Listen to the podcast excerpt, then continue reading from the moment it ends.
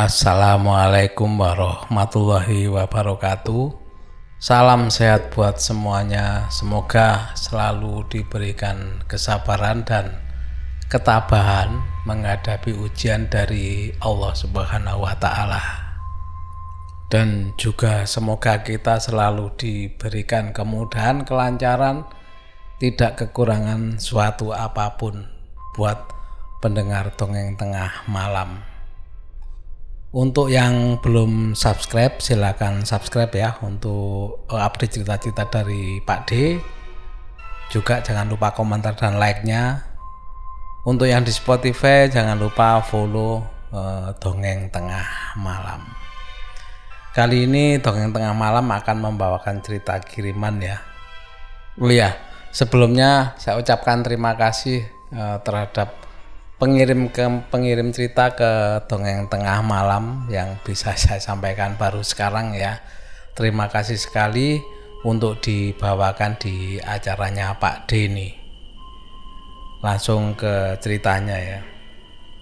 Kali ini pengirim cerita ingin sharing kepada teman-teman semua mengenai kejadian-kejadian mistis yang terjadi di kampungnya. Jadi pagi itu di kampungnya terjadi kegemparan karena ada cerita dari Mbak Lis dan Pak Darmo. Karena beliau ini, kedua orang ini ditemui seseorang yang sudah tiada atau sudah meninggal dunia. Namanya itu Susi.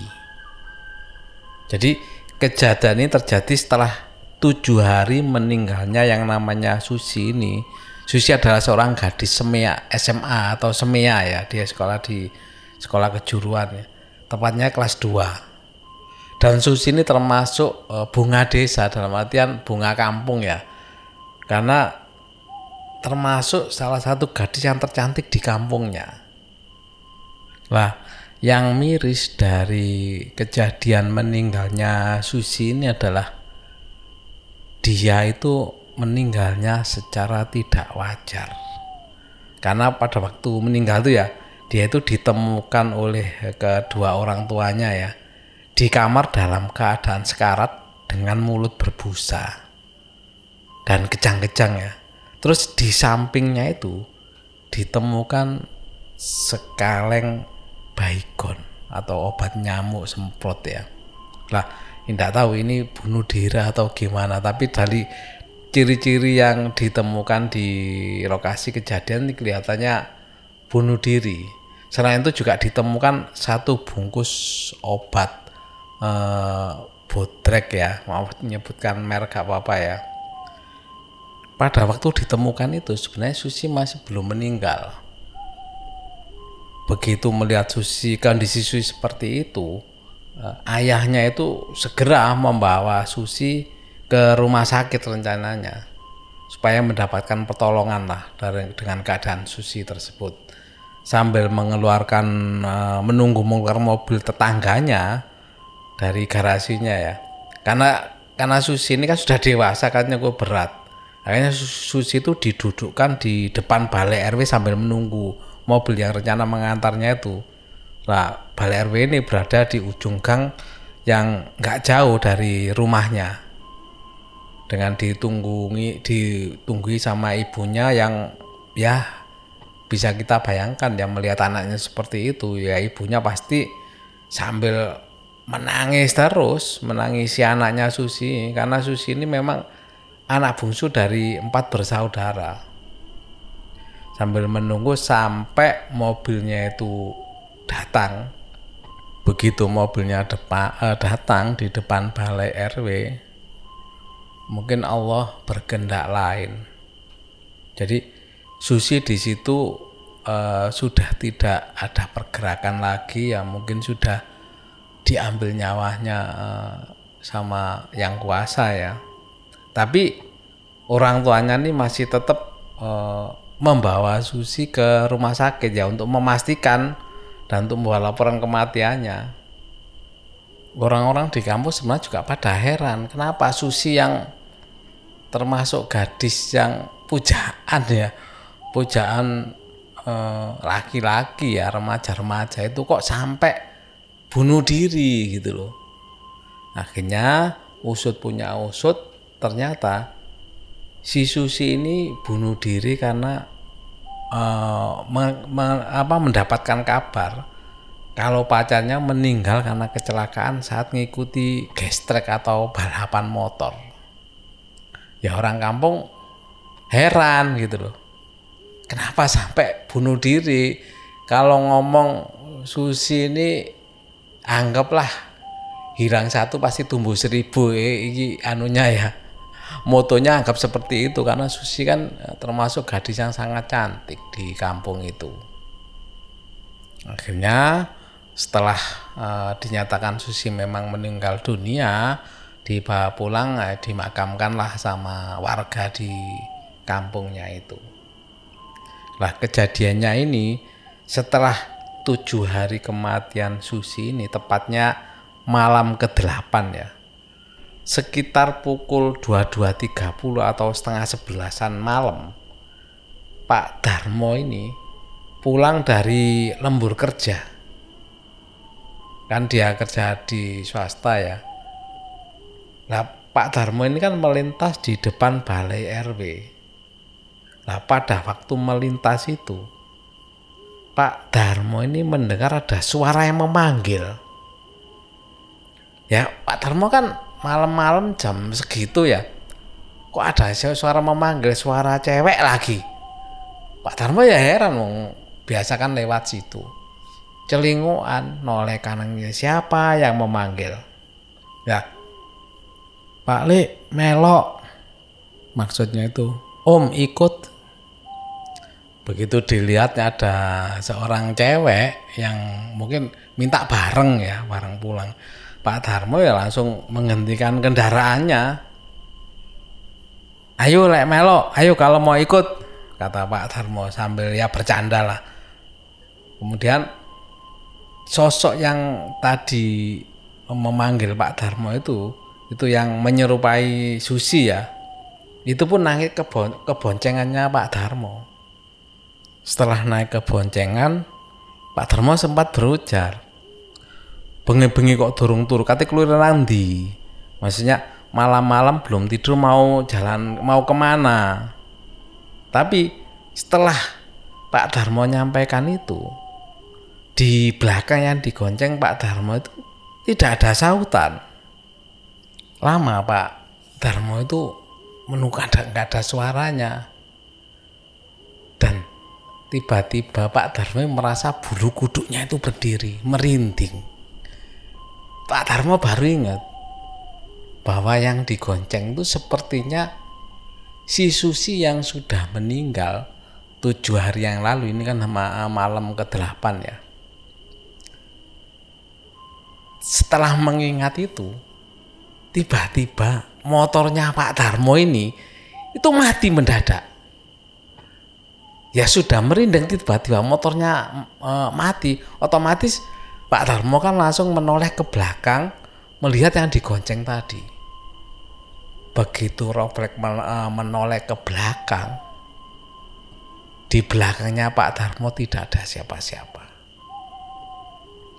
Begitu melihat tidak ada siapa-siapa kan bayangkan ya Pak Darmo tadi kan benar-benar gonceng. Dia ingat betul ada gadis dia lupa kalau Susi itu mirip Susi memang ya sudah karena merasa kenal aja ya dilihat tidak ada siapa-siapa ya otomatis Pak Darmo ketakutan begitu ingat bahwa Susi memang sudah meninggal di gonceng tadi Pak Darmo langsung meninggalkan motornya lari tunggang langgang langsung pulang ke rumah jadi motornya ditinggalkan saking saking rasa takutnya tadi.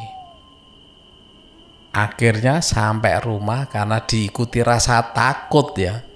Ingat-ingat uh, kejadian yang barusan, Pak Darmo langsung menggedor-gedor rumah uh, rumahnya sambil uh, memanggil Bu, Bu, tolong bukakan pintu. Mendengar gedoran otomatis istrinya kaget. Kaget langsung buka pintu melihat Pak Darmo. Pak Darmo yang ya kentara lah orang kalau panik takut itu kan kentara. Ibu Darmo ya kaget tuh Pak Pak ada apa? Buat kaget aja loh motormu nanti motormu di mana pak? Istrinya sambil anu ya mencerca pertanyaan ya. Pak Darmo hanya diem dan tidak bisa berkata apa-apa. Pak Darmo langsung masuk terduduk lemas badannya dan belum bisa bicara apa-apa sama istrinya karena karena rasa takutnya masih menjalari di badannya Pak Darmo karena melihat kondisi suaminya seperti itu, Bu Darmo segera uh, ngambil air dan uh, apa mengambil air minum buat uh, Pak Darmo. Akhirnya setelah minum, Pak Darmo mulailah merasa tenang dan mulailah Pak Darmo uh, menceritakan bahwa tadi di depan balai RW Pak Darmo dicegat sosok Susi yang sudah meninggal kemarin. Dan juga Pak Darmo bilang bahwa dia lupa kalau Susi itu sudah meninggal. Makanya Pak Darmo ya iya iya aja kalau dia mau bareng. Karena apa? Ya satu jalan namanya orang satu kampung ya kenal kan ya nggak mungkin ditinggalkan begitu saja. Saking takutnya makanya Pak Darmo bilang saking takutnya itu motornya ditinggalkan di jalan tadi mendengar itu ya otomatis istrinya ya kaget. Akhirnya ya sudah sudah ditenangkan dulu akhirnya Pak Darmo minum mulai tenang. Karena sudah malam ya motor ditinggalkan khawatir hilang sama istrinya sudah diantarkan sama istrinya untuk ngambil motornya dibawa pulang itu tadi kejadian yang pertama.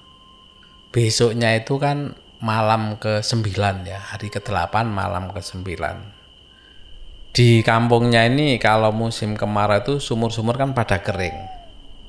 Jadi orang-orang itu kalau kondisi kemarau itu itu pada ngantri ambil air PAM atau PDAM. Jadi air itu ada subsidi dari pemerintah gitu loh. Di halaman rumah warga dengan sewa gerobak dan jerikan air.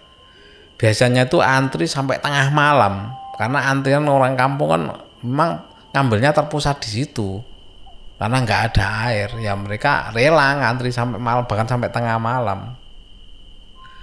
Malam itu sekitar pukul 2 pagi ya. Ada yang mengetuk rumah Mbak Lis. Mbak ayo antri banyu. Mbak ayo ikut orang-orang ngantri ambil air. Karena mengantuk Mbak Lis kan dengar ada ketukan itu. Karena sambil mengantuk Pak Lis berjalan menuju pintu dan membukanya. Begitu dibuka, Pak Lis tahu bahwa itu Susi. Oh, Sus, iki jam piro? Apa Sus ini sudah jam berapa? Uh, jam di, di depannya pintu itu ya.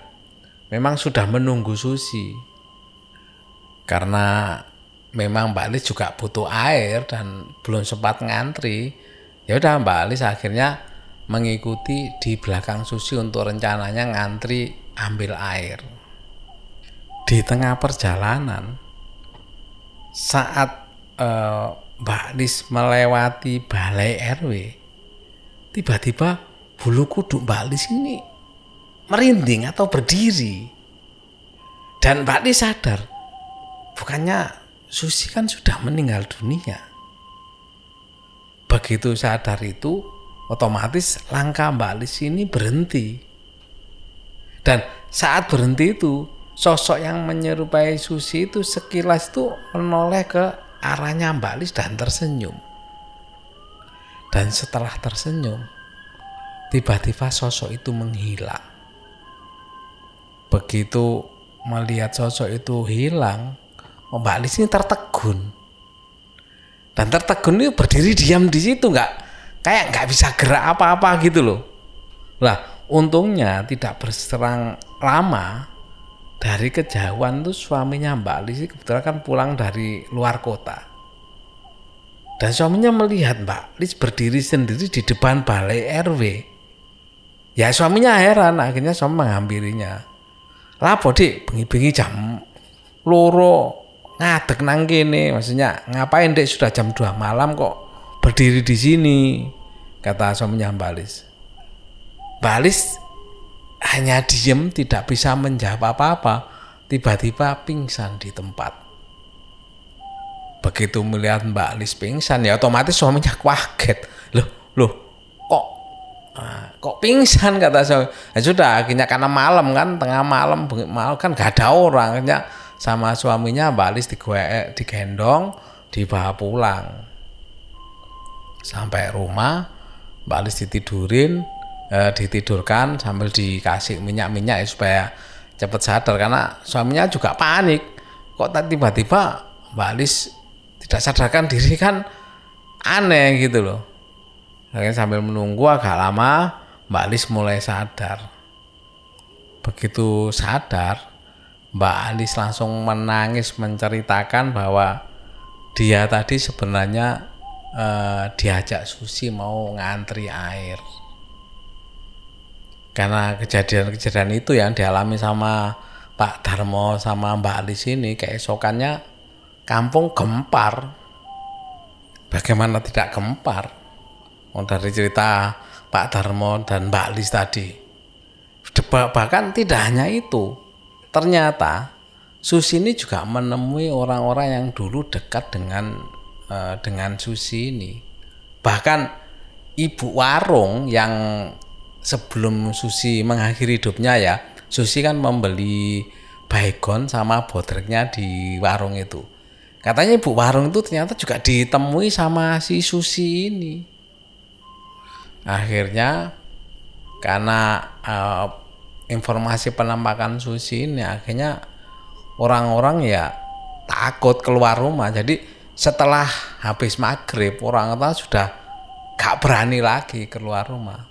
Bahkan dapat informasi bahwa su ternyata Susi ini sering masih sering menampakkan diri di depan balai RW itu ya. Kadang uh, duduk sambil membawa payung. Bahkan kadang itu berdiri jadi berdiri diem aja di depan balai RW tersebut.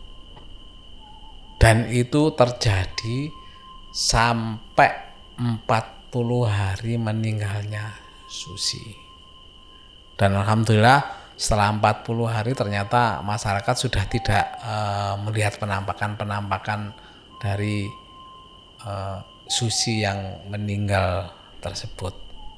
Itu tadi uh, kiriman cerita uh, true story ya ini kisah nyata yang dialami di kampungnya si pengirim ini. Mudah-mudahan cerita ini bisa menghibur teman-teman semua di tengah kondisi saat ini ya yang lagi kita banyak-banyak di rumah. Social distancing jaga jarak dengan uh, teman atau yang ketemu dengan kita. Semoga menjadi hiburan melepas kejenuhan. Dan mudah-mudahan penonton dengan tengah malam bisa terhibur. Dan saya Pak D mengakhiri dari cerita ini. Saya akhiri. Wassalamualaikum warahmatullahi wabarakatuh